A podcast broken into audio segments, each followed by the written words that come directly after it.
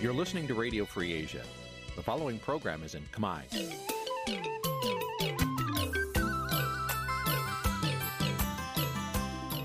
នេះជាកម្មវិធីផ្សាយ Vuthu Azizi Serai នេះជាកម្មវិធីផ្សាយរបស់ Vuthu Azizi Serai ជាភាសាខ្មែរ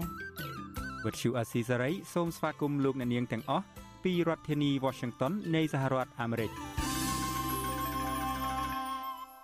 បាទពីរដ្ឋធានីវ៉ាស៊ីនតោនខ្ញុំបាទសេកបណ្ឌិតសូមជម្រាបសួរអស់លោកអ្នកនាងកញ្ញាទាំងអស់ជាទីមេត្រីខ្ញុំបាទសូមជូនកម្មវិធីផ្សាយសម្រាប់ព្រឹកថ្ងៃសុក្រ9រោចខែមិគសេឆ្នាំថោះបញ្ញស័កពុទ្ធសករាជ2567ត្រូវនឹងថ្ងៃទី5ខែមករា គ្រិស្តសករាជ2024បាទជាដំបូងនេះសូមអញ្ជើញអស់លោកអ្នកនាងស្ដាប់ព័ត៌មានប្រចាំថ្ងៃដែលមានមេតិការដូចតទៅ។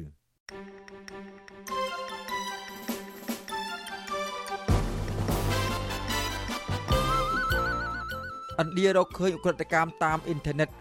50%មកពីប្រទេសមួយចំនួន រួមទាំងកម្ពុជាផងអ្នកខ្លោបមើលថាលោកហ៊ុនសែននៅតែមានមហិច្ឆតាគ្រប់គ្រងអំណាចលំដាប់កម្ពុជារបស់ជាតិសង្គមស្វល់ថាការកំណត់អាណត្តិមន្ត្រីនៅតាមច្រកទ្វារព្រំដែនមិនអាចលុបបំបាត់អំពើពុករលួយបាននោះឡើយ។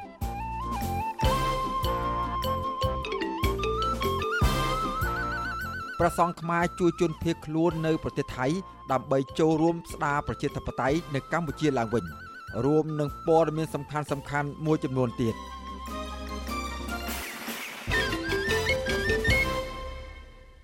ជាបន្តទៅទៀតនេះខ្ញុំបាទសេកបណ្ឌិតសូមជូនព័ត៌មានពិស្ដាបាទលោកអ្នកនាងកញ្ញាជាទីមេត្រីមជ្ឈមណ្ឌលសម្របសម្រួលអ ுக ្រិតកម្មតាមអ៊ីនធឺណិតឥណ្ឌារកឃើញថាអ ுக ្រិតកម្មក្លែងបន្លំលុយតាមអ៊ីនធឺណិត មានដល់ទៅ50%មកពីប្រទេសមួយចំនួន ដូចជាប្រទេសចិនមីយ៉ាន់ម៉ាឬភូមា និងកម្ពុជាជាដើមមន្ត្រីសង្គមស៊ីវិលថារដ្ឋាភិបាលគួរតែចាត់វិធានការទប់ស្កាត់បញ្ហានេះឲ្យមានប្រសិទ្ធភាព ដើម្បីស្ដារមុខមាត់ប្រទេស បាទយើងប្រកូលនាទីនេះជូនដល់លោកជីវិតា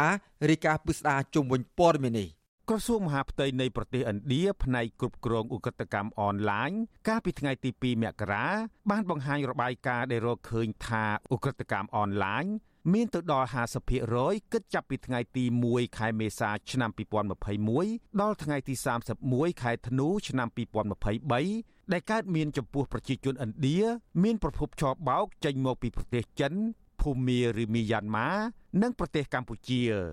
ក្រសួងមហាផ្ទៃនៃប្រទេសឥណ្ឌាបញ្ជាក់ថាឧក្រិដ្ឋកម្មអនឡាញមានពាក់ព័ន្ធនឹងការប្រើប្រាស់គេហទំព័រវិនិយោគដែលផ្ដល់ការងារក្រៅម៉ោងនិងតាមរយៈការលួងលោមមនុស្សឲ្យចូលទៅក្នុងកម្មវិធីឆបោក Ponzi ហើយប្រទេសចិនមីយ៉ាន់ម៉ានិងកម្ពុជា បានក្លាយជាចំណុចកណ្ដាលនៃឧក្រិដ្ឋកម្មឆបោកនេះថ្លែងក្នុងសន្និសីទកាសែតកាលពីថ្ងៃអង្គារហើយដែលត្រូវបានកាសែតអនឡាញ The Hindu ដកស្រង់យកមកផ្សាយនោះ នាយកប្រតិបត្តិនៃមជ្ឈមណ្ឌលសម្របសម្រួលឧក្រិដ្ឋកម្មតាមអ៊ីនធឺណិតរបស់ក្រសួងមហាផ្ទៃនៃប្រទេសឥណ្ឌាលោករ៉ាជេសគូម៉ាបានប្រាប់អ្នកកាសែតថាមជ្ឈមណ្ឌលរបស់លោកបានទទួលពាក្យបណ្ដឹងជាង80000ករណីពាក់ព័ន្ធនឹងកម្មវិធីកម្ចីខុសច្បាប់និងជាង40000ករណីពាក់ព័ន្ធនឹងការក្លែងបន្លំលេខសម្ងាត់អតិថិជនលើសពីនេះក៏មានពាក្យបណ្ដឹងជាង30000ករណីពាក់ព័ន្ធនឹងការក្លែងបន្លំកាន់កាប់គណនីប្រព័ន្ធផ្សព្វផ្សាយសង្គម វិទ្យុអាស៊ីសេរីមិនអាចតាក់ទងអ្នកនាំពាក្យក្រសួងមហាផ្ទៃលោកទួយសុខៈនិងប្រធានអង្គភិបអ្នកនាំពាក្យរដ្ឋាភិបាលលោកប៉ែនបូណាដើម្បីឆ្លើយតបជុំវិញរឿងនេះបានទេនៅថ្ងៃទី4មករាទោះជាយ៉ាងណា កាលពីថ្ងៃទី12ខែធ្នូកន្លងទៅរដ្ឋមន្ត្រីក្រសួងមហាផ្ទៃលោកសសុខាអះអាងក្នុងវេទិកាជាតិប្រឆាំងការជួញដូរមនុស្សថារដ្ឋាភិបាលនៅតែបន្តបដិញ្ញាចិត្តប្រឆាំងអំពើជួញដូរមនុស្សគ្រប់ទម្រង់ និងបាត់ល្មើសឧក្រិដ្ឋនានាដែលកំពុងបំផ្លិចបំផ្លាញដល់ប្រទេសជាតិតាក់ទងនឹងរឿងនេះនាយកទទួលបន្ទុកកិច្ចការទូតនៃអង្គការលីកាដូលោកអំសំអាតប្រាប់វិទ្យុអាស៊ីសេរីនៅថ្ងៃទី4មករាថាករណីឆបោកតាមប្រព័ន្ធអនឡាញពុំមែនជារឿងថ្មីនោះទេ ហើយវាជាក្តីបារម្ភរបស់ពលរដ្ឋនិងអង្គការសង្គមស៊ីវិលក៏ប៉ុន្តែ លោកថាកន្លងទៅវិធានការទប់ស្កាត់របស់រដ្ឋាភិបាលជុំវិញបញ្ហានេះហាក់គ្មានប្រសិទ្ធភាពឡើយ ដោយសារការអនុវត្តច្បាប់នៅមានកម្រិតនិងខ្វះដំណាភាព ជនណាក៏ដោយឲ្យពាក់ព័ន្ធនឹងអំពើពុករលួយការជួញដូរមនុស្សឬការឆបោកតាមអនឡាញនេះត្រូវតែអនុវត្តតាមផ្លូវច្បាប់ហើយទី3គឺការពង្រឹងក្នុងការអនុវត្តច្បាប់គឺយន្តការមួយត្រូវតែអនុវត្តឲ្យមានសិទ្ធិភាពទោះបីជាជនពាក់ព័ន្ធមានឋានៈអន្តរសាសនាក៏ដោយបាទហើយទី4ត្រូវមានកិច្ចសហប្រតិបត្តិការល្អជាមួយនឹងបណ្ដាប្រទេសជិតខាងនៅក្នុងតំបន់និងអន្តរជាតិដើម្បីកំណត់មុខសញ្ញាឧក្រិដ្ឋអតិជនដែលប្រតិបត្តិមើលកិច្ចកម្មតាមការឆបោកតាមប្រព័ន្ធអនឡាញឬក៏ការជួញដូរមនុស្សផ្សេងផ្សេងទៀតបាទអ្នកឃ្លាំមើលស្ថានភាពនៅកម្ពុជាវាតម្លៃថាវិធានការដោះស្រាយបញ្ហាឧក្រិដ្ឋកម្មអនឡាញរបស់រដ្ឋាភិបាលពុំអាចល្អប្រសើរបានទេប្រសិនបើអាជ្ញាធរបង្ក្រាបបានតែជន់ល្មើសតូចតាចចំណែកអ្នកមានឥទ្ធិពលដែលសង្ស័យជាប់ពាក់ព័ន្ធនឹងឧក្រិដ្ឋកម្មនេះនៅតែរួចផុតពីសំណាញ់ច្បាប់ដដែលពួកគេទទូចឲ្យរដ្ឋាភិបាលមានឆន្ទៈមោះមុតក្នុងការបង្ក្រាបការជួញដូរមនុស្សឲ្យដល់ឫសគល់ ដើម្បីស្ដារកេរ្តិ៍ឈ្មោះរបស់កម្ពុជា នៅលើឆាកអន្តរជាតិរបាយការណ៍របស់អង្គការសហប្រជាជាតិចេញផ្សាយកាលពីចុងខែសីហាឆ្នាំ2023កន្លងទៅ បង្ហាញថាមនុស្សប្រមាណ1សែននាក់កំពុងរងគ្រោះបង្ខំឲ្យធ្វើការជាអ្នកឆបោកតាមប្រព័ន្ធអ៊ីនធឺណិតនៅកម្ពុជាជនរងគ្រោះប្រឈមនឹងការគំរាមកំហែងដល់សុវត្ថិភាពទទួលរងការធ្វើទរណកម្មដោយអំពើឃោរឃៅអមនុស្សធម៌ការឃុំខ្លួនដោយបំពានឆន្ទៈអំពើហិង្សាផ្លូវភេទ ការធ្វើការដោយបង្ខំនិងការរំលោភសិទ្ធិមនុស្សផ្សេងផ្សេងទៀតខ្ញុំជីវិតាអាស៊ីសេរីបាទលោកអ្នកនាងកញ្ញាជាទីមេត្រីពាក់ព័ន្ធនឹងស្ថានភាពនយោបាយនៅក្នុងប្រទេសកម្ពុជានេះវិញអ្នកខ្លំមើលថាលោកហ៊ុនសែននៅតែមានមហិច្ឆតាគ្រប់គ្រងអំណាចនៅស្ថាប័នកម្ពុជាកម្ពុជារបស់ជាតិការលើកឡើងរបស់អ្នកវិភាគយ៉ាងដូចនេះធ្វើឡើងស្របពេលដែលលោកហ៊ុនសែន នឹងចូលទៅកាន់តំណែងប្រធានព្រឹទ្ធសភាជំនួសលោកសាយឈុំក្នុងការបោះឆ្នោតព្រឹទ្ធសភាខាងមុខអ្នកសិក្សាស្រាវជ្រាវការអភិវឌ្ឍសង្គមលោកបណ្ឌិតសេងសេរីយល់ឃើញថាគម្រោងរបស់លោកហ៊ុនសែនទៅដឹកនាំស្ថាប័នព្រឹទ្ធសភានៅពេលខាងមុខនេះជាការរៀបចំដើម្បីឲ្យគ្រួសារត្រកូលហ៊ុនអាចគ្រប់គ្រងតំណែងបានយូរតទៅទៀតលោកបន្តទៀតថាផែនការរបស់លោកហ៊ុនសែនជាការបង្ហាញថាលោកហ៊ុនសែន នៅតែមានមហិច្ឆតាគ្រប់គ្រងអំណាច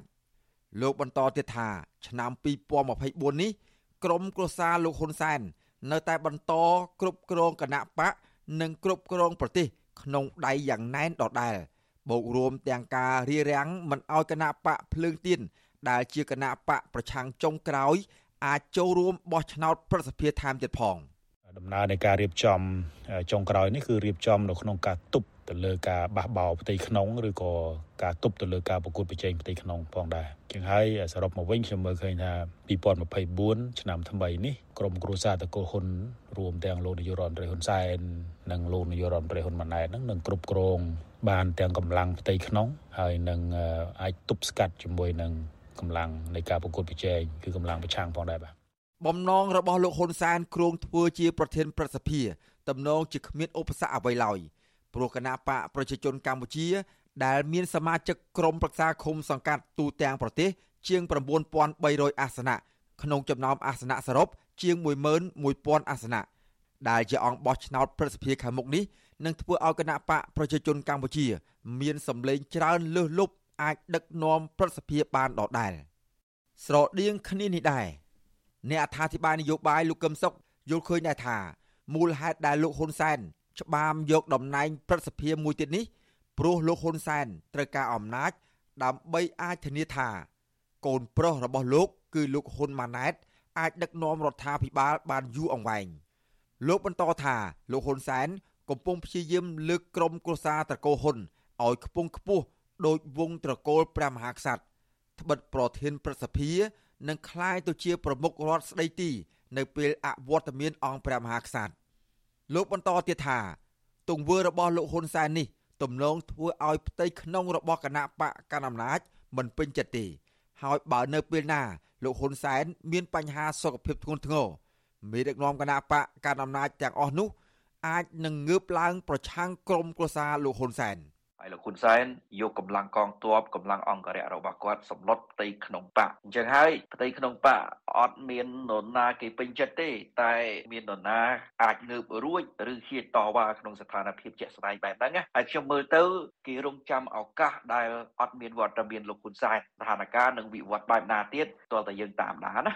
លោកហ៊ុនសែនប្រធានគណៈបកប្រជាជនកម្ពុជា ប្រកាសកាលពីខែសីហាឆ្នាំ2023 ថាលោកនឹងទៅធ្វើជាប្រធានប្រសិទ្ធិនៅក្នុងនីតិកាលទី5ឆ្នាំ2024នេះជំនួសលោកសាយឈុំដោយការអះអាងនេះមែននៅពេលនេះលោកហ៊ុនសែនបានឈរឈ្មោះនៅក្នុងបញ្ជីឈរឈ្មោះបោះឆ្នោតជ្រើសតាំងសមាជិកព្រឹទ្ធសភានីតិកាលទី5ឆ្នាំ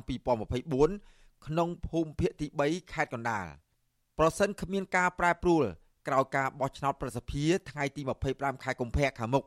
លោកហ៊ុនសែននឹងឡើងធ្វើជាប្រធានប្រសិទ្ធិជំនួសលោកសាយឈុំត្បិតលោកសាយឈុំដែលសពថ្ងៃជាប្រធានប្រសិទ្ធិនិងជាអនុប្រធានគណៈបកប្រជាជនកម្ពុជាផងនោះនឹងត្រូវដាក់ឲ្យចូលនិវត្តន៍តកតោនឹងរឿងនេះអ្នកនាំពាក្យគណៈបកប្រជាជនកម្ពុជា លោកសុកអេសាន ប្រាប់ថា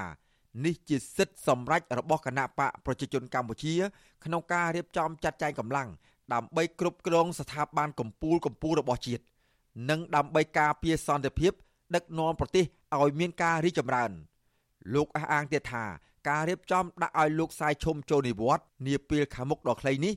មិនប៉ះពាល់ផ្ទៃក្នុងគណៈបកប្រជាជនកម្ពុជាឡើយ។ គ្រប់សភាពការនយោបាយសេដ្ឋកិច្ចសង្គមរបស់កម្ពុជា គឺថាគ្រប់គ្រងបានដោយគណៈបកប្រជាជនកម្ពុជាចឹងនៅពេលណាដែលសភាពការតានតឹងដែលគេហៅថាតានតឹងនោះគឺថាផ្ទៃក្នុងគណៈបកប្រជាជនកាន់តែរឹងមាំកាន់តែមានសាមគ្គីឯកភាពផ្ទៃក្នុងរឹងមាំដើម្បីរួមគ្នាទ្រោលសភាពការកាលពីឆ្នាំ2023កន្លងទៅនេះ ដែលជាពេលវេលារបស់លោកហ៊ុនសែនផ្ទៃអំណាចនាយករដ្ឋមន្ត្រី ទៅឲ្យលោកហ៊ុនម៉ាណែត បានរុញមេដឹកនាំគណៈបកប្រជាជនកម្ពុជា ដែលមានឥទ្ធិពលមួយចំនួនដូចជាលោកសខេង លោកទាបាញ់អ្នកស្រីម៉ែនសំអន និងលោកជាសុផារ៉ាជាដើមឲ្យទៅធ្វើជាសមាជិកឧត្តមក្រុមប្រឹក្សាព្រះមហាក្សត្រមានឋានៈស្មើឧបនាយករដ្ឋមន្ត្រី ចំណែករូបលោកដែលធ្វើជាប្រធានក្រុមឧត្តមប្រឹក្សាផ្ទាល់ព្រះមហាក្សត្រនេះ មានឋានៈស្មើនឹងនាយករដ្ឋមន្ត្រីរីឯលោកហេងសំរិន ជា ប្រធានកិត្តិយសក្រុមឧត្តមប្រឹក្សាផ្ទាល់ព្រះមហាក្សត្រមានឋានៈស្មើនឹងនាយករដ្ឋមន្ត្រីផងដែរ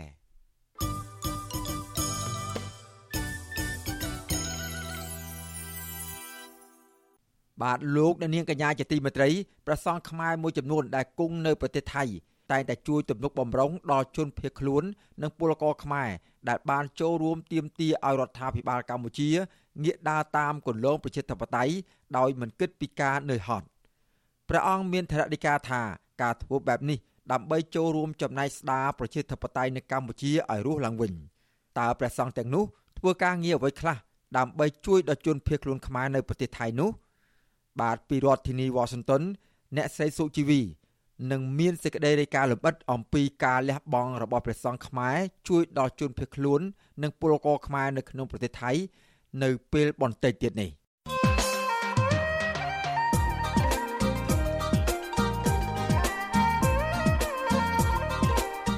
បានលោកនាយកទីមេត្រីឥណ្ឌូនេស៊ីបានបញ្ចប់ភារកិច្ចជាប្រធានបដូវវេនអាស៊ានហើយហើយបានប្រកល់ឲ្យទៅប្រទេសឡាវជាប្រធានបដូវវេនអាស៊ានបន្ត អាណត្តិប្រធានបដូវវេនអាស៊ានរបស់ឥណ្ឌូនេស៊ីបន្ទាប់ពីកម្ពុជាកាលពីឆ្នាំ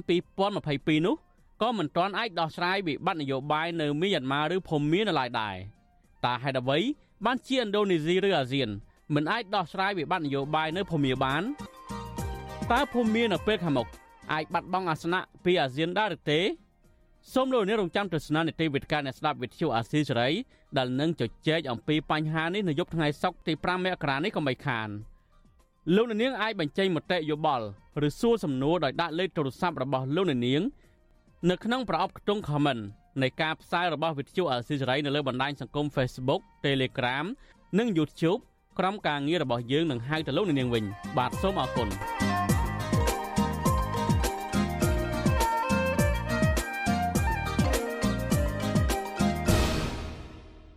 បាទលោកអ្នកនាងកញ្ញាជាទីមេត្រី ពាក់ព័ន្ធនឹងអំពើពុករលួយនៅតាមច្រកទ្វារព្រំដែនជាប់នឹងព្រំប្រទល់ប្រទេសកម្ពុជាវិញពលរដ្ឋមួយចំនួន ដែលប្រកបមុខរបរតាមព្រំដែននិងមន្ត្រីសង្គមស៊ីវិលយល់ឃើញថាការកំណត់អាណត្តិនិងបដូរប៉ុស្តិ៍របស់មន្ត្រីនៅតាមច្រកទ្វារព្រំដែនមិនអាចលុបបំបាត់អំពើពុករលួយបាននោះឡើយពួកគាត់ថាអំពើពុករលួយ នៅតាមច្រកទ្វារព្រំដែនមានលក្ខណៈជាប្រព័ន្ធដោយមន្ត្រីពុករលួយ នៅតែយកច្រកទ្វារព្រំដែន ធ្វើជាកន្លែងរកស៊ីរហូតមានបានបើទោះបីជាមានការបដូរមេប៉ុសឈរជើងនៅតាមច្រកទ្វារនីមួយៗនោះក៏ដោយបាទលោកមានរិទ្ធមានសេចក្តីរាយការណ៍អំពីរឿងនេះពីរដ្ឋធានីវ៉ាស៊ីនតោនពលរដ្ឋប្រកបរបរនៅច្រកព្រំដែនលើកឡើងថាការកំណត់អាណត្តិការងាររបស់មន្ត្រីនគរបាលច្រកទ្វារព្រំដែនប្រៀបបានទៅនឹងការផ្លាស់ប្តូរមន្ត្រីពុករលួយចាស់ទៅកន្លែងផ្សេងនិងយកមន្ត្រីពុករលួយថ្មីមកដាក់ជំនួសវិញ ពលរដ្ឋនៅក្រុងប៉ោយប៉ែតលោកពៅវាសនាប្រាវិសុអាស៊ីស្រីនៅថ្ងៃទី4ខែមករាថាលោកឃើញមានការផ្លាស់ប្តូរមន្ត្រីច្រកព្រំដែនជាច្រើនលើកមកហើយក៏ប៉ុន្តែអំពើពុករលួយ នៅតែកើតមានដដែលលោកបន្តថានគរបាលច្រកព្រំដែនតែងតែហាមឃាត់ពលរដ្ឋមិនឲ្យប្រកបរបរអូសរទេសដឹកអីវ៉ាន់ ក៏ប៉ុន្តែអាជ្ញាធរបែរជាអនុញ្ញាតឲ្យឈ្មួញធំធំនាំចូលរបស់របរខូចគុណភាពខុសច្បាប់និងកិច្ចពន្ធចូលមកក្នុងប្រទេសទៅវិញវ៉ាប៉ែប៉ែនោះយ៉ាក់អីគេនោះដូរមីដាក់មីណាហ្នឹងមិនទៅចូលខ្ញុំដឹកបានចាប់ខ្ញុំធ្វើបាបខ្ញុំអូខ្ញុំទាំងងាប់គេអីយើងអីបានកពិតកប៉ុកចង្រិតផងនោះដុកឌឺផងហើយវត្តពេលអារបស់ខុសច្បាប់វាចាប់ទេទីលុយគេអីវ៉ាន់ចេញមកចេញទៅឲ្យទៅលុយវាហើយយើងមានទីជួយបងវាវាមិនយកទេអាចង្រិតទីជួយវាចាប់ឲ្យដឹកត្មងថាអញ្ចឹងអាពុកអាលុយគុំនេះវាទៅវាណាខ្ញុំនិយាយបាក់ណាគុំនេះនិយាយចំទៅធ្វើបាត់តែអ្នកកៃកោអាអ្នកមានចេះរកបានអាអ្នកកោគ្នាកណាកោទៅនោះការលើកឡើងរបស់ពលរដ្ឋរុងនេះគឺបន្ទាប់ពីរដ្ឋមន្ត្រីក្រសួងមហាផ្ទៃលោកសសុខាកាលពីថ្ងៃទី29ខែធ្នូបានចុះប្រកាសមួយស្ដីពីការកំណត់អាណត្តិការងាររយៈពេល4ឆ្នាំដល់នាយប៉ុស្តិ៍និងនាយរងប៉ុស្តិ៍នគរបាលច្រកទ្វារព្រំដែនអន្តរជាតិសេចក្តីប្រកាសនេះបានកំណត់ឲ្យច្រកព្រំដែននីមួយៗមាននាយប៉ុស្តិ៍មួយរូប និងនាយរងប៉ុស្តិ៍ចន្លោះពី8រូបទៅ25រូបដោយនាយប៉ុស្តិ៍និងនាយរងប៉ុស្តិ៍ដែលចប់អាណត្តិត្រូវតែងតាំងមុខតំណែងថ្មីឬតែងតាំងជានាយប៉ុស្តិ៍និងនាយរងប៉ុស្តិ៍ផ្សេងទៀតសម្រាប់អាណត្តិបន្ទាប់ទោះជាយ៉ាងណាការកំណត់អាណត្តិមន្ត្រីច្រកព្រំដែននេះក៏មិនខុសពីការផ្លាស់ប្ដូរកន្លែងគ្នាអង្គុយរបស់ចៅក្រមព្រាអាញានិងអភិបាលខេត្តនោះឡើយគណៈមន្ត្រីច្រកព្រំដែនមួយចំនួន មានរឿងរ៉ាវអាស្រូវប្រព្រឹត្តអំពើពុករលួយជាច្រើនមកហើយ ជាស្ដែងកាលពីខែមេសាឆ្នាំ2023នៅពេលដែលប្រជាកសិករខ្មែរឆ្លងដែនត្រឡប់មកស្រុកកំណើតនៅក្នុងពិធីបុណ្យចូលឆ្នាំថ្មីមន្ត្រីអន្តរប្រវេសន៍នៅច្រកទ្វារព្រំដែនអន្តរជាតិដងស្ថិតនៅស្រុកកំរៀងខេត្តបាត់ដំបងបានយកលុយពីពលករខ្មែរក្នុងម្នាក់1000បាតឬប្រមាណ120,000រៀល ក្នុងនោះប្រជាពលរដ្ឋបានរិះគន់ប៉ូលីសអន្តរប្រវេសន៍នៅច្រកទ្វារព្រំដែនអន្តរជាតិនេះថាបានសហការគ្នាជាមួយមេខ្យល់នាំពលករឆ្លងដែនខុសច្បាប់និងផ្ដល់សិទ្ធិឲ្យក្រុមអ្នកដឹកអីវ៉ាន់ឆ្លងដែននិងអ្នករត់តាក់ស៊ីទារថ្លៃពីអ្នកដំណើរកប់ពពកចំណែកកាលពីឆ្នាំ2022នគរបាលច្រកទ្វារព្រំដែនអន្តរជាតិប៉ោយប៉ែត បានហាមឃាត់មិនឲ្យពលរដ្ឋប្រកបរបរអូសរទេសដឹកអីវ៉ាន់ចេញចូលទឹកដីថៃតទៅទៀតទេដោយប្រគល់សិទ្ធិឲ្យតែអ្នកមានរថយន្តស៊ីឈ្នួលប្រកបរបរនេះវិញដែលធ្វើឲ្យពលរដ្ឋខ្មែរក្រីក្រ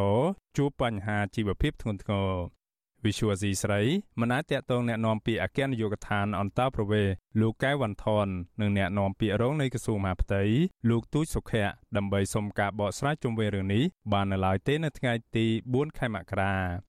ប្រធានសមាគមពង្រឹងសេដ្ឋកិច្ចក្រៅប្រព័ន្ធកម្ពុជា លោកដិនពុទ្ធិយល់ឃើញថាការកំណត់អាណត្តិនាយប៉ុស្តិ៍នៅច្រកព្រំដែនគឺគ្រាន់តែធ្វើឲ្យល្អមើលព្រោះនៅពេលផុតអាណត្តិមន្ត្រីទាំងនោះមិនបានផ្លាស់ភារកិច្ចនោះទេ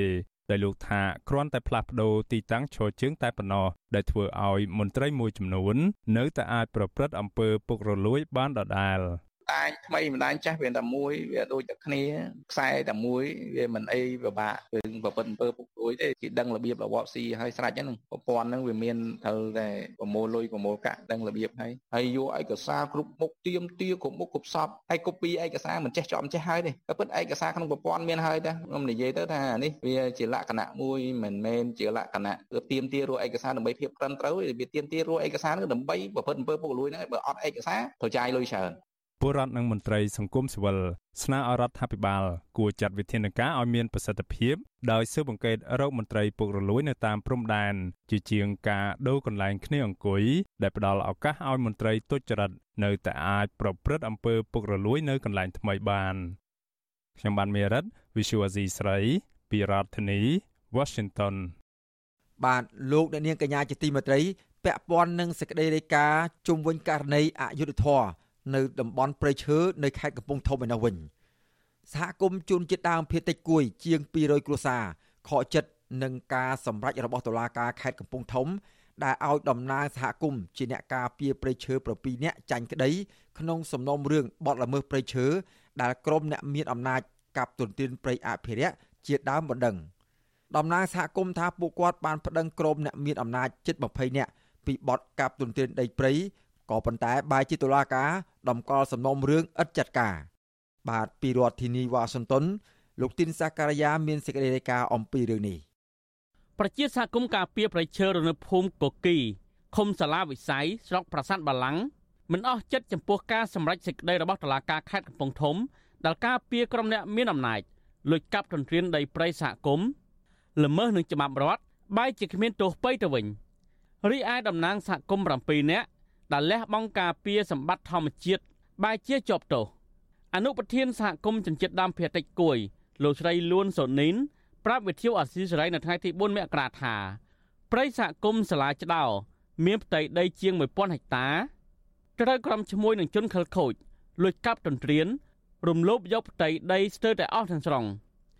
រីឯតំណាងសហគមន៍បានកំណត់អត្តសញ្ញាណមនុស្ស18នាក់ដោយមានទាំងភ័ស្តុតាងច្បាស់លាស់ប្តឹងទៅតុលាការ បែរជាតុលាការដំកល់សំណុំរឿងឥតចាត់ការដោយលើកហេតុផលថាគ្មានភ័ស្តុតាងគ្រប់គ្រាន់នោះគេមានអីនៅផ្ទះគេមេឡាគេស្គមស្កៃគ្រប់ហើយគេមិនយកអីពួកខ្ញុំដែលពួកខ្ញុំបាត់ដៃទៅទេនេះតែខ្ញុំសុំមករស់កាត់អីតឡាការអត់អីអត់ខ្ញុំរស់តឡាការកាត់អីយកអីអត់ខ្ញុំរស់ទេអត់ខ្ញុំស្លាប់តឡាការអត់មួយជាក់ស្ដែងទេគាត់ថាមានប៉ុស្តិ៍ពួកខ្ញុំអត់មានប៉ុស្តិ៍តាំងគ្រប់គ្រាន់លោកស្រីលួនស៊ីនីនអះអាងថា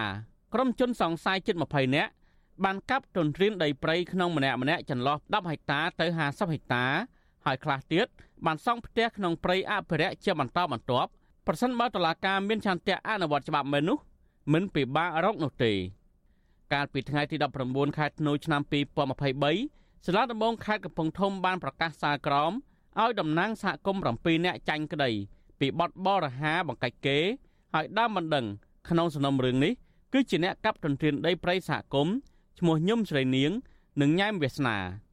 រីឯតំណាងសហគមន៍បានប្តឹងទាស់ទៅសាលាឧទ្ធររាជធានីភ្នំពេញរួចហើយដែរយុវជនជនជាតិដើមភាគតិចដែលតាមដានរឿងនេះគឺលោកហុកលេងយល់ឃើញថាទង្វើរបស់តុលាការជាអត្តពលមិនល្អដល់ដីធ្លីនិងប្រៃឈើដែលជាប្រភពសេដ្ឋកិច្ចជនជាតិដើមភាគតិចគួយលោកថាបរដ្ឋដែលលះបង់ការពារប្រៃឈើបាក់ទឹកចិត្តនិងអស់ជំនឿលើប្រព័ន្ធតុលាការបណ្ដោយឲ្យ អ្នកដែលការពារទ្រព្យសម្បត្តិជាតិរបស់យើង ដែលជាស្មារតីរួមរបស់យើងនោះចាញ់ក្តី សម្រាប់ស្មារតីសហគមន៍ជនជាតិដើមក្តីឬក៏ប្រជាជនទូទៅក្តីដែលគ្នាមានបំណងមានឆន្ទៈការពារទ្រព្យសម្បត្តិរដ្ឋហ្នឹងវាត្រូវតែបានលើកទឹកចិត្តវាត្រូវតែបានគាំពៀវាត្រូវតែបានយកចិត្តទុកដាក់ទើបបានត្រូវវិទ្យុអាស៊ីសេរីមិនអាចតតងអ្នកនាំពាក្យអាយកាអមសារបងខេត្តកំពង់ធំលោកសាយណូរ៉ា ដើម្បីសំសួរអំពីបញ្ហានេះបាននៅឡើយទេនៅថ្ងៃទី4មករារីឯដើមបណ្ដឹងក្នុងសំណុំរឿងនេះគឺលោកស្រីញឹមស្រីនាង និងលោកញ៉ែមវាសនាក៏មិនអាចតាក់ទងបានដែរនៅថ្ងៃដដែលនេះជុំវិញនឹងរឿងនេះមន្ត្រីពង្រឹងសិទ្ធិអំណាចសហគមន៍មូលដ្ឋាន នៃសមាគមអាត60លោកប៉ែនបូណាយល់ឃើញថាប្រជាពលរដ្ឋដែលលះបង់ការពារប្រយោជន៍ជាតិគួរតែលើកទឹកចិត្តដើម្បីរួមគ្នាអភិរក្សធនធានធម្មជាតិស្របតាមគោលនយោបាយរបស់រដ្ឋាភិបាល។ លោកបន្ថែមថាទង្វើរបស់តុលាការនឹងធ្វើឲ្យប៉ះពាល់គោលនយោបាយកំណែតម្រង់ប្រព័ន្ធតុលាការរបស់ក្រសួងយុទ្ធភ័ពធ្វើពុករលួយហើយនឹងនីតិរដ្ឋភាពនឹងឯងហើយតនភាពយើងសួរថាកើតចេញពីណាគឺកើតចេញពីមិនផ្ដំទាទោសអ្នកដែលមានលុយមានអំណាចនឹងដូចក្នុងករណីរឿងនឹងថាអ្នកមានលុយមានអំណាចទៅយកដីម្នាក់ធំធំក៏តែអត់តឡាការអត់មានចាត់វិធានការទាំងអស់កាលណាមានការបន្ថែមឡើងគឺតែយើងការដាក់ហង្ស័យថាវាជាអំពើពុករលួយព្រៃសហគមន៍សាលាឆ្ដោមានផ្ទៃដីសរុបជាង1000ហិកតា បានចុះបញ្ជីជាព្រៃអភិរក្សពីក្រសួងកសិកម្មកាលពីឆ្នាំ2008ព្រៃអភិរក្សមួយនេះស្ថិតនៅភូមិកគីឃុំសាឡាវិស័យស្រុកប្រាសាទបាឡាំងខេត្តកំពង់ធំ បានទទួលរងការកាប់ឈើមានតម្លៃនិងឈូសឆាយទន្ទ្រានព្រៃយកដីអស់ស្ទើរទៅទាំងស្រុងរយៈពេលជិត10ឆ្នាំចុងក្រោយនេះបច្ចុប្បន្នដីព្រៃសហគមន៍នេះនៅសេសសល់ព្រៃរបស់រិចរិលជាង60ហិកតាប៉ុណ្ណោះដែលប្រជាសហគមន៍កំពុងនាំគ្នាថែទាំនិងការពារ ក៏ប៉ុន្តែព្រៃនេះកំពុងទទួលរងនឹងការកាប់បំផ្លាញជាបន្តបន្ទាប់ខ្ញុំបាទធីនសាការីយ៉ាអស៊ីសេរីប្រធានាធិបតីវ៉ាស៊ីនតោនបាទលោកអ្នកនាងកញ្ញាជាទីមេត្រីពាក់ព័ន្ធនឹងវិស័យកសិកម្មវិញ អ្នកជំនាញកសិកម្មនិងមន្ត្រីសង្គមស៊ីវិលលើកឡើងដូចដូចគ្នាថាការប្រកាសឲ្យកសិករផ្អាកធ្វើស្រូវរបស់រដ្ឋាភិបាលខេត្តពោធិ៍សាត់បង្ហាញពីភាពបរាជ័យនយោបាយខាងផ្លូវទឹក អ្នកនាំពាក្យក្រសួងកសិកម្មអះអាងថាដោយសារតែកសិករនាំគ្នាសម្រុកដាំស្រូវមានចំនួនច្រើនជាងឆ្នាំមុនទើបបណ្ដាលឲ្យខ្វះទឹកធ្វើស្រែបាទយើងប្រកូលនេតិនេះជូនដល់អ្នកស្រីសុជីវីរាយការណ៍អំពីរឿងនេះដូចតទៅអ្នកជំនាញកសិកម្មនិងមន្ត្រីសង្គមស៊ីវិលលើកឡើងស្រដៀងស្រដៀងគ្នាថាដើម្បីលើកកម្ពស់ជីវភាពប្រជាកសិកររដ្ឋបាលខេត្តពោធិ៍សាត់គួរបង្កើនប្រភពទឹក និងជួយបូមទឹកឲ្យប្រជាកសិករបានធ្វើស្រែជាជាងប្រកាសណែនាំមិនឲ្យប្រជាពលរដ្ឋធ្វើស្រែលើកទី2ក្រុមប្រឹក្សាភិបាលរបស់អង្គការសាមគ្គីភាពកសិករកម្ពុជា លោកឌីគុន្ធាយល់ស្របចំពោះការប្រកាសឲ្យប្រជាពលរដ្ឋផ្អាកធ្វើស្រែលើកទី2របស់រដ្ឋបាលខេត្តពោធិ៍សាត់ដើម្បីទប់ស្កាត់កុំឲ្យប្រជាកសិករខាត់បង់ពីការដាំដុះស្រូវតែលោកថា ការប្រកាសបែបនេះគឺឆ្លុះបញ្ចាំងថានយោបាយទឹករបស់រដ្ឋាភិបាលកម្ពុជា នៅមិនទាន់ដើរដល់គោលដៅនោះទេលោកបន្តថាដើម្បីដោះស្រាយវិបត្តិស្រូវអង្កររដ្ឋាភិបាលគួរអន្តរាគមឲ្យប្រជាកសិករដាំដុះស្រូវឲ្យបានគ្រប់រដូវជាជាងប្រកាសឲ្យប្រជាពលរដ្ឋផ្អាកការបង្កបង្កើនផល ដែលនាំឲ្យបាត់បង់ប្រាក់ចំណូលចំពោះមុខរដ្ឋាភិបាលត្រូវយកចិត្តទុកដាក់ទី1គឺត្រូវតែរៀបចំធ្វើការស្ដារ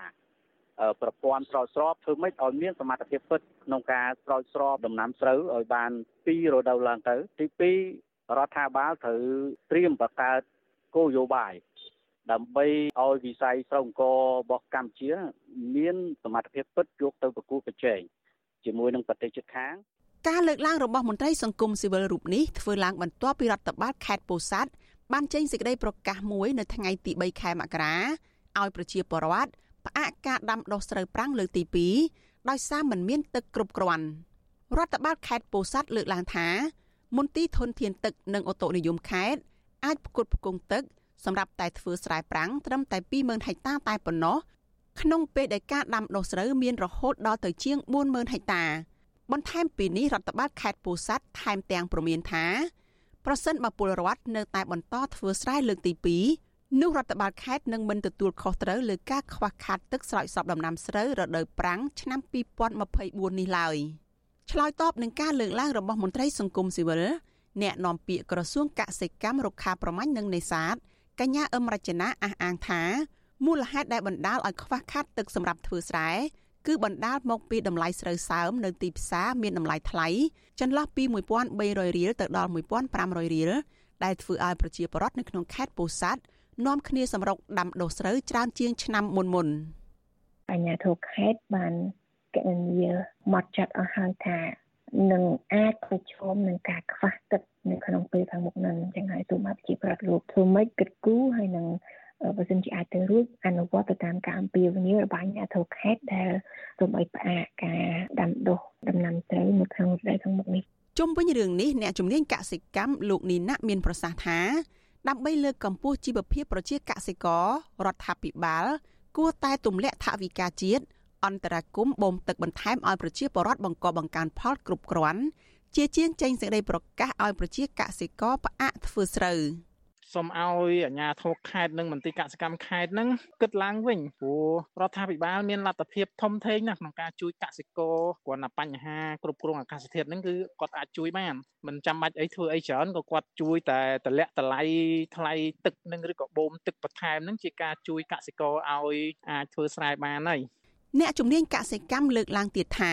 ការខ្វះខាតទឹកឲ្យកសិករធ្វើស្រែនេះ បង្ហាញពីភាពទន់ខ្សោយរបស់រដ្ឋាភិបាលក្នុងការលើកកម្ពស់ជីវភាពប្រជាកសិករខណៈប្រទេសជិតខាងកម្ពុជាមិនត្រឹមតែអាចផ្គត់ផ្គង់ទឹកគ្រប់គ្រាន់ទៅឲ្យប្រជាកសិករប៉ុណ្ណោះទេតែរដ្ឋាភិបាលប្រទេសទាំងនោះថែមទាំងមានគោលនយោបាយជួយបង្កើនទិន្នផលកសិកម្មនិងធានាឲ្យផលិតផលកសិកម្មមានតម្លៃសមរម្យទៀតផងនាងខ្ញុំសុជីវី Vithu Azizi Saray ពីរដ្ឋធានី Washington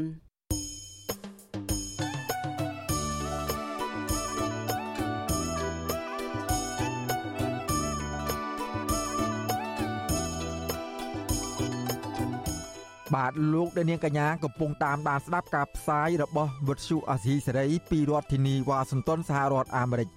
ក្រៅពីអស់លោកនាង តាមដានស្ដាប់ការផ្សាយរបស់យើងខ្ញុំតាមរយៈបណ្ដាញសង្គមមាន Facebook YouTube និង Telegram ជាដើមនោះលោកនាងក៏អាចស្ដាប់ការផ្សាយរបស់វិទ្យុអាស៊ីសេរីតាមរយៈវិទ្យុរលក ធាតុអាកាសខ្លី ដែលមានកម្រិតនិងកម្ពស់ដូចតទៅនេះពេលព្រឹកចាប់ពីម៉ោង5កន្លះដល់ម៉ោង6កន្លះ តាមរយៈប៉ុស SW 93.90 MHz ស្មើនឹងកម្ពស់ 32m និងប៉ុស SW 11.85 MHz ស្មើនឹងកម្ពស់ 25m ពេលយប់ចាប់ពីម៉ោង7កន្លះដល់ម៉ោង8កន្លះតាមរយៈប៉ុស SW 93.30 MHz ស្មើនឹងកម្ពស់ 32m ប៉ុស SW 11.88 MHz ស្មើនឹងកម្ពស់ 25m និងប៉ុស SW 15.15 MHz ស្មើនឹងកម្ពស់ 20m បាទសូមអរគុណ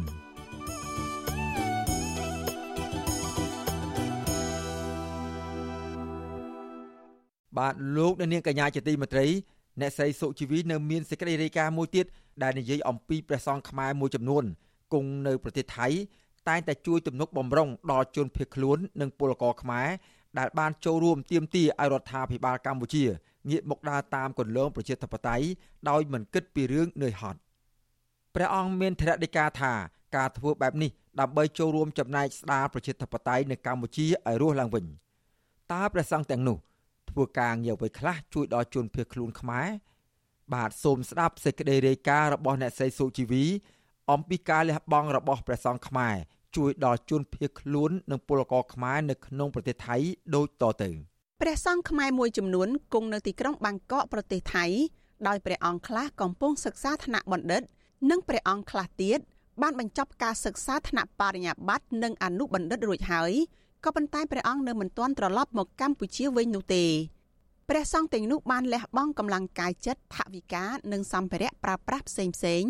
ជួយដល់ជនភៀសខ្លួននិងពលករខ្មែរ ដែលឈឺឆ្អាលបញ្ហាសង្គមនិងលទ្ធិប្រជាធិបតេយ្យជាប្រចាំបន្ថែមពីនេះពេលខ្លះក៏ព្រះអង្គបានផ្ដល់កន្លែងស្នាក់នៅ និងជួយបកប្រែភាសាដល់ពួកគេ ក្នុងពេលទៅព្យាបាលជំងឺនៅតាមមន្ទីរពេទ្យនៅក្នុងប្រទេសថៃដោយមិនយកប្រាក់កម្រៃថែមទៀតផងព្រះសង្ឃខ្មែរគង់នៅទីក្រុងបាងកកប្រដេចព្រះគុណនិនសិដ្ឋាន មានថេរដីកាថាព្រះអង្គបានជួយជនភៀសខ្លួននិងពលករខ្មែរមួយចំនួននៅប្រទេសថៃ អស់រយៈពេលជិត10ឆ្នាំមកហើយក៏ប៉ុន្តែសកម្មភាពផុសផុលទើបតែមានប្រមាណ5ឆ្នាំចុងក្រោយនេះទេព្រះអង្គមានថេរដីកាបន្ថែមថាក្រៅពីការផ្ដល់ជំនួយមនុស្សធម៌ព្រះអង្គក៏តែងតែចុះទៅអប់រំដល់ពួកគេឲ្យយល់ដឹងពីច្បាប់និងសិលធម៌រស់នៅផងដែរព្រះអង្គមានថេរដីកាបន្តទៀតថាមូលហេតុដែលធ្វើបែបនេះដោយសារតែព្រះអង្គចង់ឲ្យប្រទេសកំណើតមានប្រជាធិបតេយ្យដោយប្រទេសជិតខាង ហើយស្របពេលដែលជនភៀសខ្លួនទាំងនោះ មានជីវភាពខ្វះខាតដោយសារតែការឈឺឆ្អាលបញ្ហាសង្គមជាតិអព្រោះយើងជាប្រសង់បើកាលយើងរស់ដោយសារបែបបាតដោយសារញាតិញោមទៅបីតែយើងមនុស្សទេគេក៏ដោយតែយើងឃើញប្រទេសយើង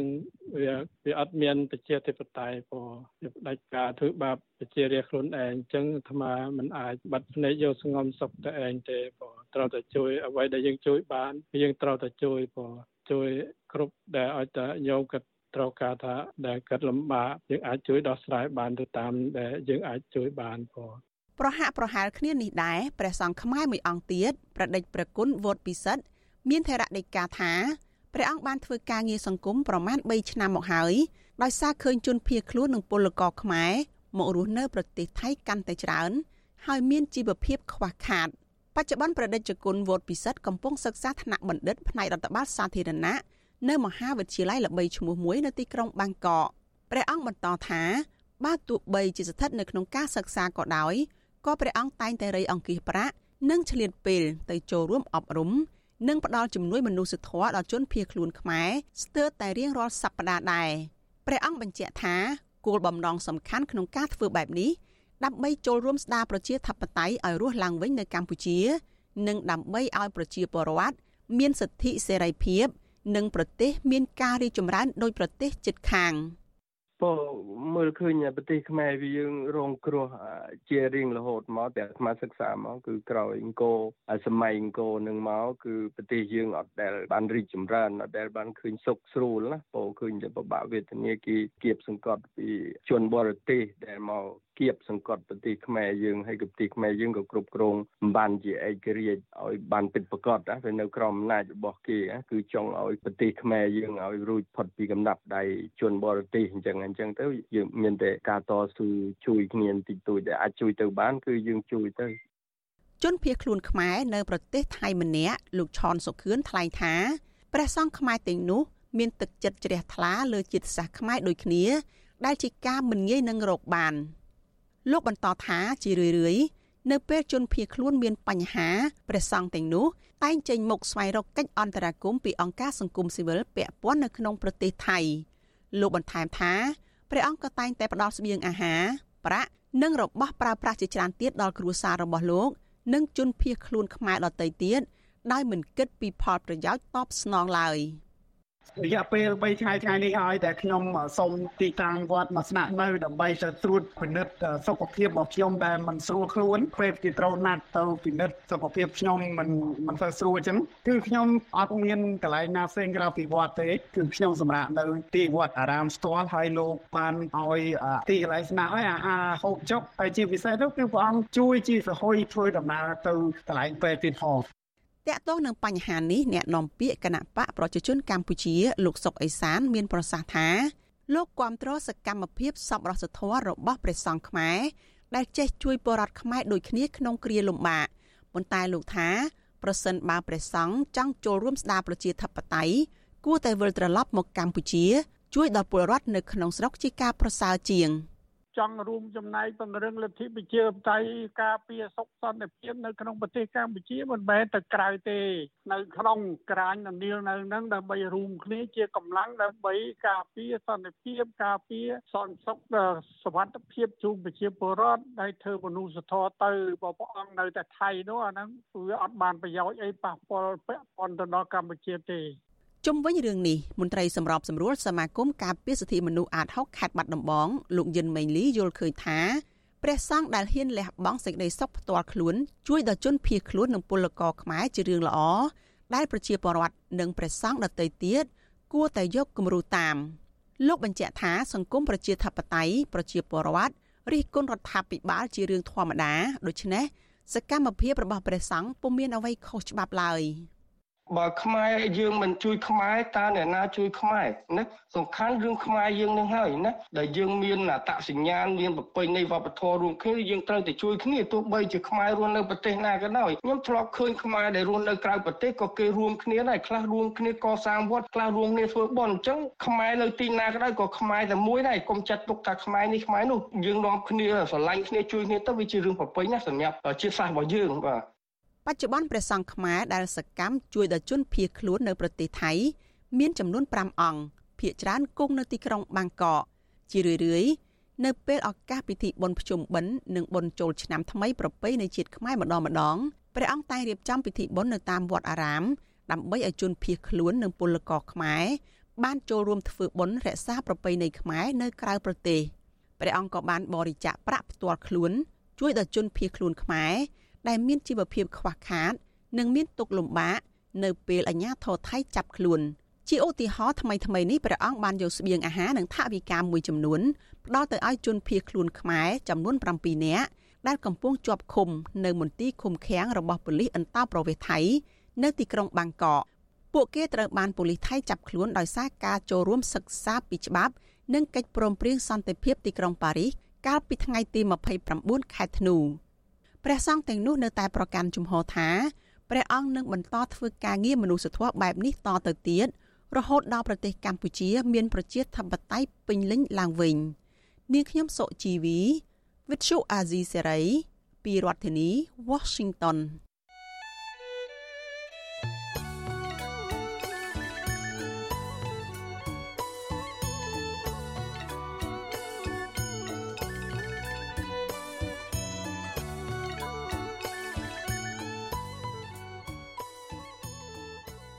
បាទលោកអ្នកនាងកញ្ញាជាទីមេត្រីយើងបានទទួលសំណូមពរពីអ្នកស្ដាប់និងទស្សនារបស់យើងជាច្រើនណាស់ថាកុំឲ្យដាក់ចំណងជើងផ្ទុយពីខ្លឹមសារនៃព័ត៌មានឧទាហរណ៍ដូចជា ដាក់ចំណងជើងថា Vivo ហើយលោកហ៊ុនសែនត្រូវតុលាការព្រហ្មទណ្ឌអន្តរជាតិ ICC យកទៅកាត់ទោសជាដើមក៏ប៉ុន្តែពេលចុចស្ដាប់ទៅ មិនលឺនិយាយអំពីរឿងនេះសោះយើងខ្ញុំសូមជម្រាបថា ការដាក់ចំណងជើងខុសពីខ្លឹមសារទាំងនេះ គឺជាការបោកប្រាស់របស់ក្រុមអ្នករកស៊ីតាម YouTube ដើម្បីរកលុយតែប៉ុណ្ណោះពួកគេលួចយកខ្លឹមសារនៃការផ្សាយរបស់វិទ្យុអស៊ីសេរីទៅកាត់តរួចបដូរចំណងជើង តាមរបៀបប្លែកប្លែកហួសហេតុខុសពីការពិត ក្នុងគោលបំណងតាក់ទាញចិត្តលោកនាងកញ្ញាឲ្យទៅចុចស្ដាប់ ឬទស្សនាដើម្បីបាន view ឬបានអ្នកចូលទស្សនាច្រើន មានអ្នកចុចស្ដាប់កាន់តែច្រើន ពួកគេក៏កាន់តែរកប្រាក់បានច្រើនដែរអាស៊ីសេរីមិនដែលដាក់ចំណងជើងខុសពីខ្លឹមសារនោះទេ លោកនាងកញ្ញា អាចចូលរួមទប់ស្កាត់ការបោកប្រាស់ទាំងនេះបាន ដោយឈប់ចុចស្ដាប់ ឬទស្សនាការផ្សាយណា ដែលដាក់ចំណងជើងខុសប្លែកគួរឲ្យសង្ស័យទាំងនេះជាពិសេសទៅទៀតនោះដើម្បីស្ដាប់ឬទស្សនាការផ្សាយពិតរបស់វិទ្យុអាស៊ីសេរីសូមលោកនាង ចូលទៅកាន់ Channel របស់អាស៊ីសេរីតែម្ដង ដែលមានអាសយដ្ឋាន www.youtube.com/@rfa ខ្មែរបាទសូមអរគុណ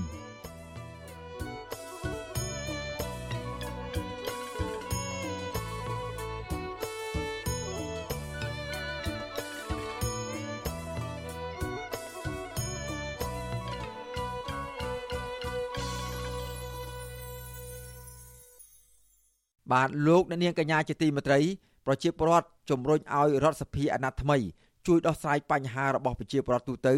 ដោយកុំធ្វើដូចរដ្ឋសភាអាណត្តិមុនគឺអាណត្តិទី6ដែលមិនអើពើចំពោះសុខទុក្ខរបស់ប្រជាពលរដ្ឋនោះឡើយជុំវិញរឿងនេះមន្ត្រីជាន់ខ្ពស់រដ្ឋសភាថាការដោះស្រាយបញ្ហាកន្លងមក គឺធ្វើទៅតាមច្បាប់ដោយមិនអាចដោះស្រាយភ្លាមភ្លាមទៅតាមការចង់បានរបស់អ្នកមានវិវាទនោះឡើយបាទកញ្ញាខណ្ឌលក្ខិណារាយការណ៍អំពីរឿងនេះ ប្រជាពលរដ្ឋជំរុញឲ្យសភាអាណត្តិថ្មីបំពេញទូនាទីឲ្យបានត្រឹមត្រូវសមជាស្ថាប័នកម្ពុជារបស់ជាតិក្នុងការធ្វើអន្តរាគមជួយប្រជាពលរដ្ឋដែលជាម្ចាស់ឆ្នោត និងជាតំណាងរបស់ខ្លួនពលរដ្ឋរស់នៅខេត្តកំពង់ស្ពឺដែលកំពុងមានចំនួនដីធ្លីជាមួយអ្នកអញ្ញាលីយ៉ុងផាត់ជាង10ឆ្នាំមកហើយនោះគឺអ្នកស្រីខនខនលើកឡើងថា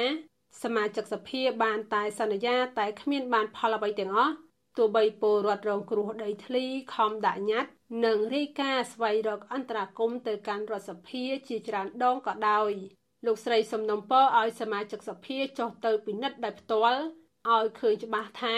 ពួកគាត់បានបាត់បង់ដីធ្លី ដោយសារតែមានអ្នកធំអ្នកមានអំណាចនាំគ្នាទៅរំលោភយកដីធ្លីរបស់ពួកគាត់ពិតមែននិយាយហើយនិយាយទៀតថាអូយរដ្ឋសភាដែលឡើងថ្មីកាន់ថ្មីនេះឲ្យចុះមើលប្រជាពលរដ្ឋតើជួបទុកលំបាកយ៉ាងណាវេទនាយ៉ាងណាសប្ថ្ងៃនេះអត់មានច្រកណាចេញទេណាគ្រូមិនដឹងយ៉ាងម៉េចទេអាខ្លះគិតពិបាកខ្លាំងពេកណាចបៈបំណុលគេកូន អារឿងមិនបានរៀនសូនតែវាហូបមិនគ្រប់គ្រាន់ទៅទៀតអត់ខ្លាំងឡើងអត់ខ្លាំងឡើងសូមអោយសនុំពរឲ្យដោះស្រាយដីឲ្យពួកខ្ញុំមកនឹងអាចបានបង្កបង្កើនផលចិញ្ចឹមជីវិតបានតទៅមុខទៀតពលរដ្ឋរស់នៅតំបន់បឹងតមោក្នុងសង្កាត់សំរោងខណ្ឌព្រែកភ្នៅរាជធានីភ្នំពេញ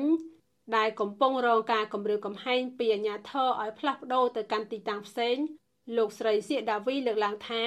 ពួកគាត់ធ្លាប់ទៅរកកិច្ចអន្តរាគមន៍ពីរដ្ឋសភា ដើម្បីឲ្យជួយដោះស្រាយចំនួនដីធ្លីនៅតំបន់បឹងតមោកដែលអាជ្ញាធរបានបំពេញលើពួកគាត់ប៉ុន្តែខាងរដ្ឋសភារុញឲ្យទៅរកសាលារាជធានីភ្នំពេញរីឯសាលារាជធានីភ្នំពេញរុញឲ្យទៅសាលាខណ្ឌទីបំផុតបានត្រឹមតែរុញដាក់គ្នាទៅវិញទៅមកហើយរដ្ឋសភាក៏នៅស្ងាត់ឈឹងរហូតដល់សប្តាហ៍ថ្ងៃថាបើនាយករដ្ឋមន្ត្រីលើកដៃអាហ្នឹងគឺបងឆាប់បានទទួលដំណោះស្រាយ ខាងរដ្ឋសភាក៏ដោយក្រសួងណាក៏ដោយគឺដល់ពេលយើងទៅដាក់លិខិតសំណើសុំហ្នឹងគាត់ចេញលិខិតមកគាត់ដាក់ឲ្យទៅខាងសាលារដ្ឋាភិបាលទាំងអស់ហ្នឹងដូចទៅដូចដែរដែរបញ្ហាគឺត្រង់រដ្ឋាភិបាលគាត់ដោះមាត្រា2នៃច្បាប់ស្តីពីលក្ខន្តិកៈតំណាងរាស្ត្រចែងថាតំណាងរាស្ត្រដែលត្រូវបានជ្រើសតាំងដោយការបោះឆ្នោតជាសកល ក្រោយពីបានប្រកាសសុពលភាព និងស្បត់ចូលកាន់តំណែងរួចហើយគឺជាតំណាងប្រជាជាតិខ្មែរទាំងមូល ពុំមែនគ្រាន់តែជាតំណាងរបស់ប្រជាពលរដ្ឋនៅក្នុងមណ្ឌលរបស់ខ្លួននោះទេអនុប្រធានសហជីពនាការវលកញ្ញាឈឹមសុខនប្រាប់វិសុអស៊ីសេរីថាសភាអាណត្តិចាស់គឺសភាអាណត្តិទី6ខ្សោយគ្មានឆន្ទៈជួយដោះស្រាយវិវាទការងារហើយខ្លាចអតិពលអ្នកនៅពីក្រោយខ្នងនៃបញ្ហាសភាអាណត្តិចាស់ហ្នឹងគាត់បានបំពេញតួនាទីសម្រាប់ពលរដ្ឋទេព្រោះអីពួកបង មានវិវាទនៅជាប់លបងរដ្ឋសភានឹងត្មងហ្នឹងវិវាទឡើង2ឆ្នាំហើយយើងមិនត្រឹមតែថាមានវិវាទទេយើងថែមទាំងមានដាក់លិខិតស្នើឲ្យសភាអន្តរាគមជួយពួកយើងតែជាក់ស្ដែងវាអត់មានក៏ហៅសួរនាំឬក៏ដោះស្រាយអាលិខិតរបស់យើងនឹងនិយាយទៅអត់អត់ដែលមានសួរនាំយើងហ្មងប័ណ្ណបញ្ជាផ្ទៃក្នុងនៃរដ្ឋសភាប្រកាស34ថ្មីចែងថាគណៈកម្មការទាំងឡាយរបស់រដ្ឋសភា អាចអញ្ជើញរដ្ឋមន្ត្រីណាមួយមកបំភ្លឺពីបញ្ហាអ្វីមួយដែលពាក់ព័ន្ធនឹងវិស័យទទួលខុសត្រូវរបស់ខ្លួនអនុប្រធានគណៈបកភ្លើងទៀននិងជាអតីតសមាជិកសភាជាច្រើនអាណត្តិលោកសុនឆៃលើកឡើងថា ជារឿងគួរឲ្យខ្មាស់អៀនណាស់ដែលរដ្ឋសភាមិនបានបំពេញទូនាទីជួយដោះស្រាយវិវាទការងារឲ្យកតកោ Nagawal លោកបន្ថែមថាតើតែសភាឯករាជ្យហ៊ានបំពេញទូនាទីរបស់ខ្លួន មិនស្ថិតនៅក្រោមអធិបតេយ្យនយោបាយ ទើបជាពលជ័យរបស់ប្រជាពលរដ្ឋប៉ុន្តែលោកថា សមាជិកសភាអាណត្តិមុន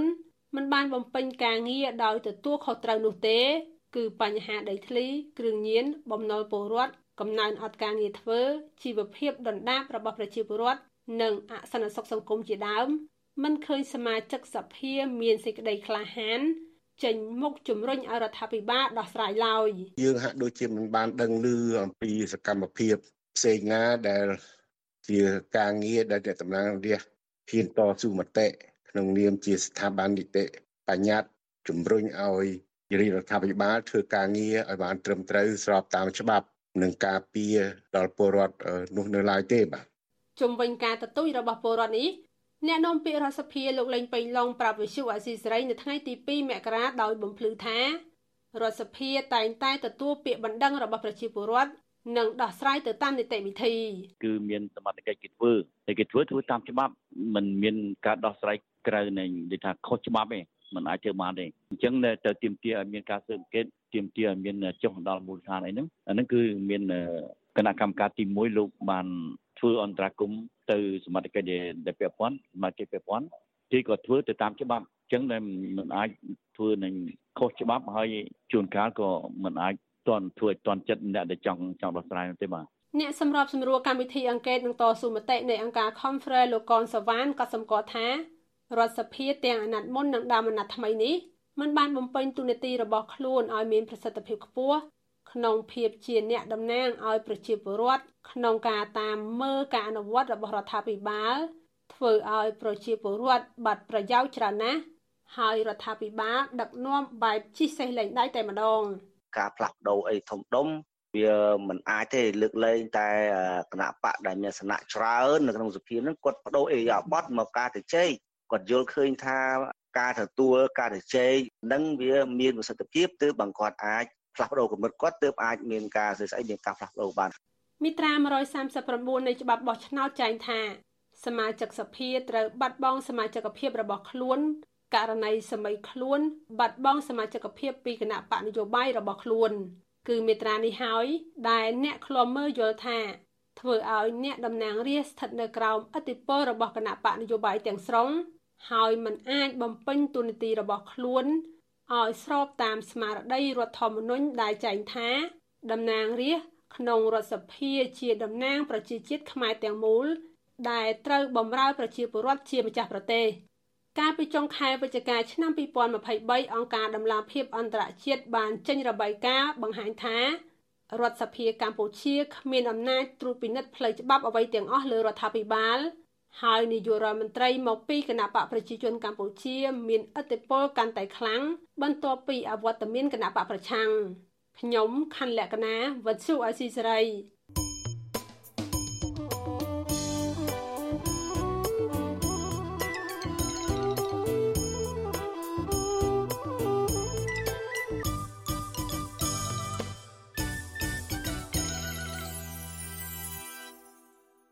បាទលោកអ្នកនាងកញ្ញាជាទីមេត្រី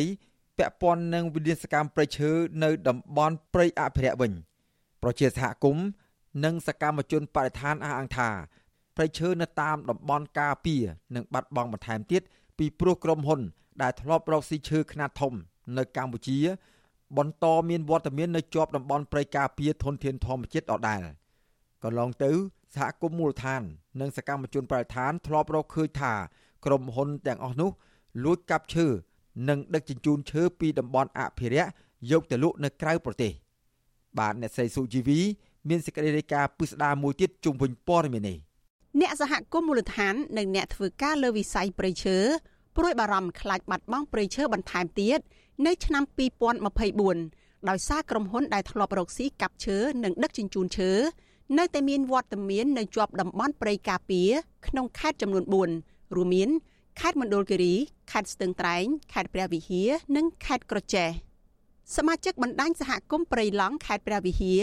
ដែលតែងតែចុះល្បាតនិងស្រាវជ្រាវបទល្មើសព្រៃឈើនៅក្នុងតំបន់ព្រៃឡង់លោកខេមសុខីប្រាប់វិទ្យុអាស៊ីសេរីនៅថ្ងៃទី3ខែមករាថាបណ្ដាញសហគមន៍ព្រៃឡង់នៅតែព្រួយបារម្ភពីវិនាសកម្មព្រៃឈើនៅក្នុងតំបន់ព្រៃឡង់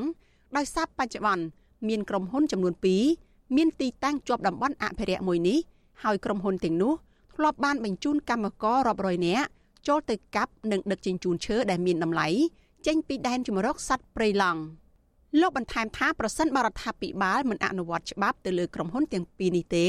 តំបន់ព្រៃឡង់នឹងនៅតែប្រឈមនឹងការកាប់យកឈើមានតម្លៃថែមទៀតជាពិសេសនៅក្នុងរដូវប្រាំងនាពេលខាងមុខ ក្រុមហ៊ុនពួកទាំងអស់ហ្នឹងវាមិនដែលមានកំណត់អេរ៉ូស៊ីក្រៅពីឈើទេព្រោះដាក់ទីតាំងដើម្បីទិញឈើព្រោះតងក្រុមហ៊ុនដែលដាក់ជំវិញព្រៃឡង់គឺដាក់ដើម្បីរ៉ូស៊ីប្រភេទប្រភេទអញ្ចឹងបើយល់អស់រដ្ឋាភិបាលគួរតែដកអាញាបានចូលអស់ទៅហើយយកដីអាដែលសល់ពីក្រុមហ៊ុនហ្នឹងទៅការពារព្រោះថាដីទាំងហ្នឹងគឺវានៅព្រៃវានៅព្រៃរបស់ព្រៃដែលជាព្រៃរបៀង ស្រដៀងគ្នានេះដែរសមាជិកបណ្ដាញសហគមន៍ព្រៃឡង់ខេត្តក្រចេះលោកអាយវណ្ណាឲ្យដឹងដែរថា ជារៀងរាល់ដើមឆ្នាំនៃឆ្នាំថ្មីក្រុមឈ្មួញតែងតែលួចចូលទៅកាប់ឈើនិងដឹកជញ្ជូនឈើចេញពីតំបន់ការពារមួយនេះជាហូរហែខណៈអាជ្ញាធរពាក់ព័ន្ធបន្តបិទសិទ្ធិសេរីភាពរបស់សហគមន៍មូលដ្ឋានមិនឲ្យចូលល្បាតនៅក្នុងតំបន់ការពារប៉ុន្តែផ្ទុយទៅវិញជនល្មើសចូលទៅកាប់ឈើបានដោយសេរី។ ចង់សំណពរដល់រដ្ឋាភិបាលរដ្ឋាភិបាលនឹងធ្វើម៉េចជួយសម្រួលបើសិនតែលោកមានឆន្ទៈក្នុងការការពារព្រៃមែនអញ្ចឹងសូមឲ្យលោកជួយសម្រួលថាធ្វើម៉េចឲ្យសហគមន៍បានចូលរួមការពារដោយសារតែចង់ចូលរួមចំណែកជាមួយរដ្ឋាភិបាលក្នុងការចូលរួមការពារព្រៃអត់មានចង់ទៅធ្វើអីធ្វើអីនឹងនឹងទេយល់ទៅយើងចង់ឲ្យទៅព្រៃនៅកងពងនៅជុំវិញព្រៃឡង់មានក្រុមហ៊ុនចំនួន2គឺក្រុមហ៊ុន Michael Logistics Cambodia ដែលធ្លាប់ធ្វើអាជីវកម្មខ្នាតធំកាលពីឆ្នាំ2023នៅជាប់តំបន់ព្រៃឡង់ហើយបានបញ្ជូនកម្មករចូលទៅកាប់និងដឹកជញ្ជូនឈើចេញពីតំបន់មួយនេះយ៉ាងអនាធបត័យគណៈអាជ្ញាធរធនជាតិរកឃើញឈើជាច្រើនកំណាត់នៅក្នុងបរិវេណក្រុមហ៊ុនប៉ុន្តែគេមិនទាន់ឃើញមានវិធានការនិងអ្នកទទួលខុសត្រូវចំពោះរឿងនេះនៅឡើយទេរហូតមកដល់ពេលនេះ។ ជុំវិញរឿងនេះវិទ្យុអាស៊ីសេរីមិនអាចសុំការឆ្លើយតបពីប្រធានអង្គភិបអ្នកនាំពាក្យរដ្ឋាភិបាលលោកប៉ែនបូណានិងអ្នកនាំពាក្យក្រសួងបរិស្ថានលោកផៃប៊ុនឈឿនបានទេ នៅថ្ងៃទី3ខែមករាដោយទូរស័ព្ទហៅចូលតែគ្មានអ្នកទទួលចំណែកអ្នកស្រាវជ្រាវនិងខ្លមើលធនធានធម្មជាតិនៅកម្ពុជាលោកសេងសុហេងលើកឡើងថាក្រុមហ៊ុនដែលទទួលបានដីសម្បត្តិសេដ្ឋកិច្ចនៅតែបន្តលួចធ្វើអាជីវកម្មឈើខ្នាតធំ ដែលបានដើរខុសពីគោលការណ៍ដែលរដ្ឋាភិបាលអនុញ្ញាតនិងកិច្ចសន្យាដោយក្រុមហ៊ុនទាំងនោះគិតតែពីកាប់ប្រមូលនិងដឹកជញ្ជូនឈើមានតម្លៃលក់យកលុយលោកជំរុញឲ្យមន្ត្រីរដ្ឋាភិបាលថ្នាក់ជាតិត្រូវចុះត្រួតពិនិត្យឲ្យបានត្រឹមត្រូវនិងដំណាភាពទៅលើក្រុមហ៊ុនណាដែលមិនគោរពតាមគោលការណ៍របស់រដ្ឋាភិបាលហើយត្រូវដកហូតដីសម្បត្តិសេដ្ឋកិច្ចត្រឡប់មកវិញនិងដាក់ពិន័យព្រមទាំងដាក់ទោសទៅលើក្រុមហ៊ុនដែលបានប្រព្រឹត្តល្មើសទៅតាមច្បាប់ ប្រឹងការរបបទូការវត្តច្បាប់របស់ទូនីតិរបស់មន្ត្រីរាជការអាជ្ញាធរពាក់ព័ន្ធឲ្យបានខ្លាំងទៅអានោះវាអាចចូលរួមចំណែកក្នុងការទប់ស្កាត់បានច្រើនមែនទែនសហគមន៍មូលដ្ឋានគាត់ធ្វើកិច្ចការងារទៅលើប្រៃឈើទៅលើធម្មជាតិសង្គមស៊ីវិលសកម្មជនបរិស្ថានសកម្មជនប្រៃឈើគាត់បើសិនជាអាជ្ញាធរសហការឲ្យបើកចំហឲ្យបានទលំទលាទៅខ្ញុំថាវាវាជាផ្នែកមួយល្អមែនទែនវិជនការមួយល្អក្នុងការចូលរួមចំណែកដើម្បីលុបបំបាត់បាត់មើលប្រៃឈើ ក្រុមហ៊ុនចំនួន3ផ្សេងទៀតកំពុងមានវត្តមានជាប់តំបន់ការពារធនធានធម្មជាតិរួមមានក្រុមហ៊ុនលឹមរយ៉ាល់និងក្រុមហ៊ុនណៃណាកំពុងធ្វើអាជីវកម្មឈើដែលមានទីតាំងជាប់ដែនជម្រកសត្វព្រៃភ្នំព្រិច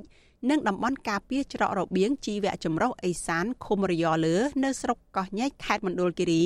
និងក្រុមហ៊ុន TSMW ក៏កំពុងតែសម្ងំធ្វើអាជីវកម្មឈើខ្នាតធំរបស់ខ្លួនជាប់តំបន់ការពារធម្មជាតិស្រុកសៀមប៉ាងខេត្តស្ទឹងត្រែង។ តើទៅនឹងបញ្ហានេះអ្នកសម្របសម្រួលគម្រោងនៃសមាគមបណ្ដាញយុវជនកម្ពុជាលោកអូតឡាទីនយល់ឃើញថារដ្ឋាភិបាលត្រូវតែសិក្សាស្រាវជ្រាវនិងដកហូតដីសម្បត្តិសេដ្ឋកិច្ចរបស់ក្រុមហ៊ុនណា ដែលជាប់ពាក់ព័ន្ធនឹងបទល្មើសកាប់បំផ្លាញព្រៃឈើនៅក្នុងតំបន់អភិរក្សមកវិញនឹងត្រូវដាក់ពិន័យឬដាក់ទោសទណ្ឌទៅតាមច្បាប់ឲ្យបានតឹងរឹងក្រៅពីនោះត្រូវបើកលំហសិទ្ធិសេរីភាពឲ្យសហគមន៍មូលដ្ឋានសកម្មជនបរិស្ថាន និងអង្គការដៃគូ ចូលរួមការពារប្រៃឈើឲ្យបានពេញលេញឡើងវិញបើពុំដូច្នោះទេរដ្ឋាភិបាល នៅតែរងការរិះគន់ពីមហាជន ពីការរឹតបន្តឹងសិទ្ធិសេរីភាពសហគមន៍ចំណុចសំខាន់ទី1ខ្ញុំគិតថារដ្ឋាភិបាលគួរតែលុបចោលអាជ្ញាប័ណ្ណផ្ដល់សិទ្ធិឲ្យក្រុមហ៊ុនឯកជនក្នុងការនាំឈើចេញទៅលក់នៅបរទេសហើយចំណុចទី2រដ្ឋាភិបាលបើកចំហឲ្យមានការចូលរួមបែបចម្រុះ ពីសាធារណជន ជាពិសេសពីសំណាក់បណ្ដាញសហគមន៍ពីឡង់ពីក្រមសកម្មជនហើយនឹងដៃគូអភិវឌ្ឍមួយចំនួនទៀតដើម្បីឲ្យគាត់អាចចូលរួមជាមួយគ្នាក្នុងកិច្ចការពារធនធានធម្មជាតិរដ្ឋមន្ត្រីក្រសួងបរិស្ថានលោកអៀងសុផល្លែតបានដាក់ចេញនូវវិធានការចំនួន4ដើម្បីទប់ស្កាត់និងការពារធនធានធម្មជាតិឲ្យបាន100%ត្រូវអនុវត្តច្បាប់និងមិនលើកលែងឲ្យជនល្មើសតទៅទៀតទេ និងជំរុញឲ្យការដាំដុះគម្របព្រៃឈើឡើងវិញឲ្យបាន60%នៅក្នុងឆ្នាំ2050តែទោះជាយ៉ាងនេះក្តីសកម្មជនបរិស្ថាននិងក្រុមអង្គការជាតិនិងអន្តរជាតិនៅតែមើលឃើញថាការបង្ក្រាបបទល្មើសព្រៃឈើនៅកម្ពុជា នៅតែមិនមានប្រសិទ្ធភាពផ្ទុយទៅវិញបទល្មើសព្រៃឈើនៅតែបន្តកើតឡើងទ្រង់ទ្រាយធំហើយអ្នកប្រព្រឹត្តទាំងនោះភ ieck ច្រើនជាប់ពាក់ព័ន្ធនឹងក្រុមគ្រួសារសាច់ញាតិរបស់លោកហ៊ុនម៉ាណែតតែម្ដង កាលពីឆ្នាំ2022អង្គការកំណត់រួចផ្ដើមសកលប្រឆាំងនឹងអ ுக ្រិតកម្មឆ្លងដែនបានចេញរបាយការណ៍ស្រាវជ្រាវមួយពីមេធាងអំពើខុសច្បាប់នៃរចនាសម្ព័ន្ធកັບឈើខុសច្បាប់នៅកម្ពុជា ដែលបង្ហាញថាប្រព័ន្ធការពារគ្នាទៅវិញទៅមកដែលបង្កើតឡើងដោយគ្រួសារអតីតនាយករដ្ឋមន្ត្រីលោកហ៊ុនសែនជាមួយនឹងអង្គញានិងកងកម្លាំងប្រដាប់អាវុធធ្វើឲ្យមានវិនាសកម្មប្រៃឈើនៅកម្ពុជា នាងខ្ញុំសុជីវីវិទ្យុអាស៊ីសេរី ពីរដ្ឋធានី Washington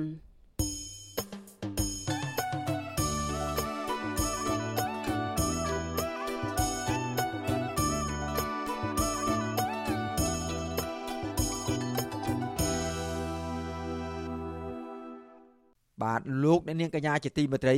ការផ្សាយរយៈពេល1ម៉ោងរបស់វិទ្យុអស៊ីសេរីសម្រាប់ព្រឹកនេះចប់តែប៉ុណ្ណេះការផ្សាយរបស់យើងខ្ញុំនឹងវិលមកជួបអស់លោកអ្នកនាងសាជាថ្មីម្ដងទៀត ចាប់ពីម៉ោង7កន្លះដល់ម៉ោង8កន្លះយប់នេះទៀតសូមលោកអ្នកនាងរងចាំតាមដានស្រាប់ការផ្សាយរបស់វិទ្យុអស៊ីសេរីនៅយប់នេះទៀតកុំបីខានយើងខ្ញុំសូមថ្លែងអំណរគុណយ៉ាងជ្រាលជ្រៅចំពោះអស់លោកអ្នកនាងដែលនៅតែមានភក្ដីភាពតាមដានស្ដាប់ការផ្សាយរបស់វិទ្យុអស៊ីសេរីជារៀងដរាបមកហើយខ្ញុំបាទសេកបណ្ឌិតព្រមទាំងក្រុមការងារទាំងអស់របស់វិទ្យុអស៊ីសេរីសូមជូនពរអស់លោកនាងឲ្យជួបប្រកបតែនឹងសេចក្តីសុខចម្រើនរុងរឿងកំបីគ្លៀងគ្លេឡើយ ខ្ញុំបាទសូមអរគុណនិងសូមជម្រាបលា